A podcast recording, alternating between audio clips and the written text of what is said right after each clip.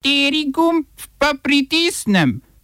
Tisti, na katerem piše OF.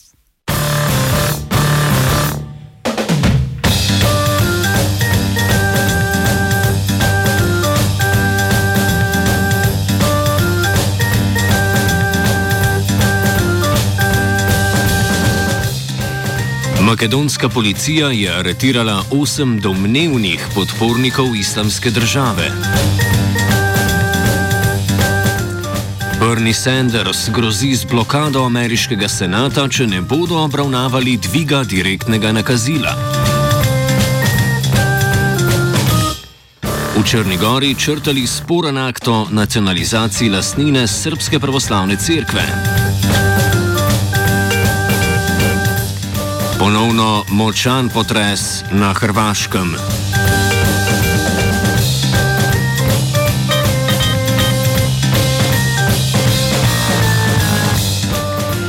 Kitajsko finančno-tehnološko podjetje Ant Group je napovedalo reorganizacijo finančnega dela v holding, katerega regulacija poslovanja bo podobna bančnemu. Tak model poslovanja bo škodoval najbolj dobičkonosnim enotam podjetja. Ant je trenutno največji kitajski ponudnik finančnih storitev in upravljalec Alipeja, vendar ni registriran kot banka. V preteklosti je Ant izkoristil tranzicijo med gotovinskim in spletnim plačevanjem na kitajskem z uvedbo spletnih kreditov, s katerimi se je odmaknil od originalnega poslovanja kot zgolj plačilnega sistema. Kitajska vlada si zato prizadeva, da bi Ant tudi uradno posloval kot banka. Ant je podružnica Alibabe, ki jo je po zgledu ameriškega Amazona ustanovil Jack Ma, eden najbogatejših ljudi na kitajskem.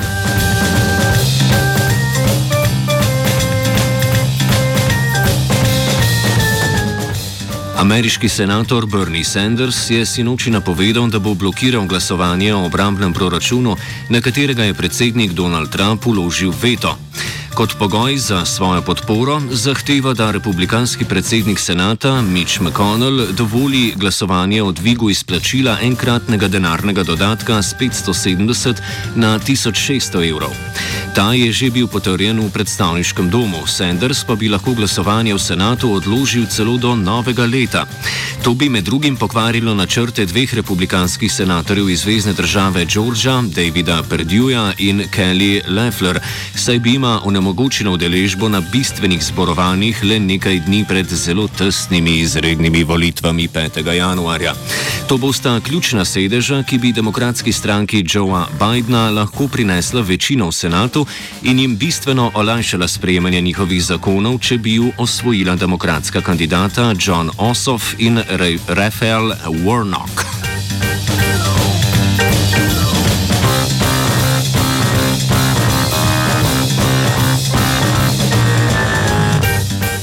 Poletna eksplozija v pristaniškem delu Bejruta, ki je Libanon prikrajšala za žitne rezerve in poškodovala večino mesta, z oblasti očitno ni odnesla seksistov.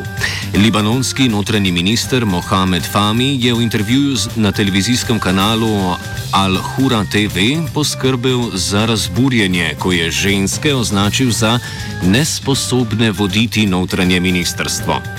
Fami, ki je v ki je v prvem valu epidemije trdil, da lahko ženske v boju proti koronavirusni bolezni najbolj pomagajo, če se držijo štedilnika, je položaj jeseni sicer prevzel od Raje Al-Hassan, prve ženske notranje ministrice v arabskem svetu. Svoj mizogin komentar je Fami podkrepil z izjavo, da so ženske preveč plahe za vodstvene položaje v politiki.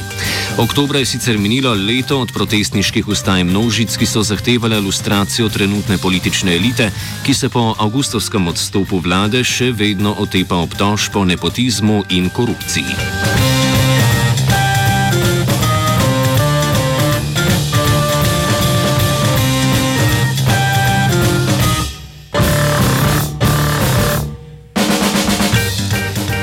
Makedonska policija je v nedeljo po večmesečni preiskavi aretirala osem osumljencev, ki naj bi v Kumanovem načrtovali napade v imenu organizacije Islamska država. Skupina naj bi sodelovala z manjšo oboroženo celico, ki je bila ujeta konec avgusta, prav tako v Kuanovem. Policija naj bi zasegla večjo količino orožja, streljiva in eksplozivnih sredstev. Osumljenci naj bi se prek aplikacije WhatsApp dogovarjali o nabavi in prevozu orožja ter izdelavi razstrelilnih pasov.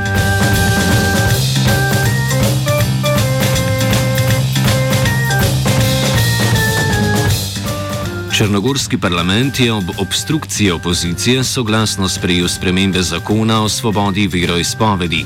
Spremembe zakona razveljavljajo nacionalizacijo premoženja Srpske pravoslavne cerkve v Črni Gori, za kar si je prizadevala nekdanja vladajoča stranka DPS. Ta, to pa je ključno pripomoglo k njenemu porazu na avgustovskih parlamentarnih volitvah. V DPS-u so spremembe zakona označili za nesorazmerne, saj naj bi privilegirali srpsko pravoslavno skupnost in jih dajali verski monopol v Črni Gori. Včeraj je podporo opoziciji neodobravanje spremembam zakona o svobodni veroizpovedi izrazilo več sto protestnikov, ki so se kljub protikoronskim ukrepom zbrali pred črnogorskim parlamentom. Oba, če, če bom odgovoril na angliški. Uh, uh, Slovenija will try to help. uh, We can Slovenija will and we will do our utmost to say that the situation is, our problem ourselves. and uh, We will make further steps as soon as the conditions are bomo vlado Marjana Cererja, Mira, Marjana Cererja Šarca podprli. uh, very, very serious. we know how and we will.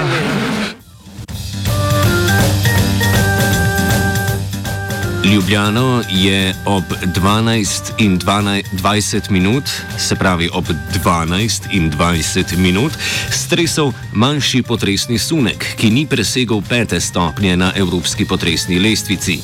Peta stopnja označuje močan potres, ki ga citiramo. V zgradbah občutijo mnogi, zunaj pa redki, zgradbe se v celoti stresajo, viseči predmeti močno nihajo, majhni predmeti se premaknejo. Konec citata. Epicenter potresa je bil ponovno v okolici mesta Petrinje na Hrvaškem, odkudar poročajo o porušenih zgradbah in veliki materialni škodi. Petrinje, Sisak in druge manjše zaselke je sicer močno poškodoval že včerajšnji potres z jakostjo 5,1 po evropski potresni lestvici. V Sloveniji so zaradi možnih popotresnih sunkov preventivno zaustavili nuklearno elektrarno Krško, UKC Maribor pa bodo, da bi preprečili okvaro medicinskih instrumentov, bolnike s koronavirusno boleznijo preselili iz višjih v nižja nadstropja.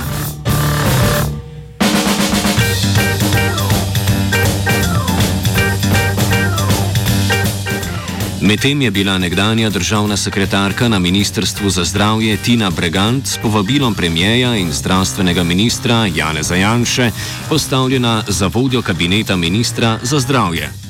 Bregant se je na ministrstvo vrnila le slab mesec potem, ko je v zadnjih tednih ministrovanja njeno razrešitev zahteval nekdani zdravstveni minister Tomaš Gantar.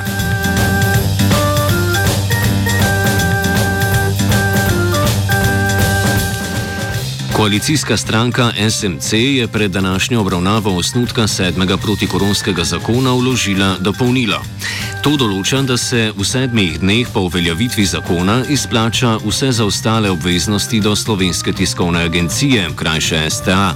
Dopolnilo določa tudi, da se ne glede na to, ali bo za leto 2021 z STA sklenjena pogodba, njeno upravljanje financira na podlagi letos sprejetega poslovnega načrta.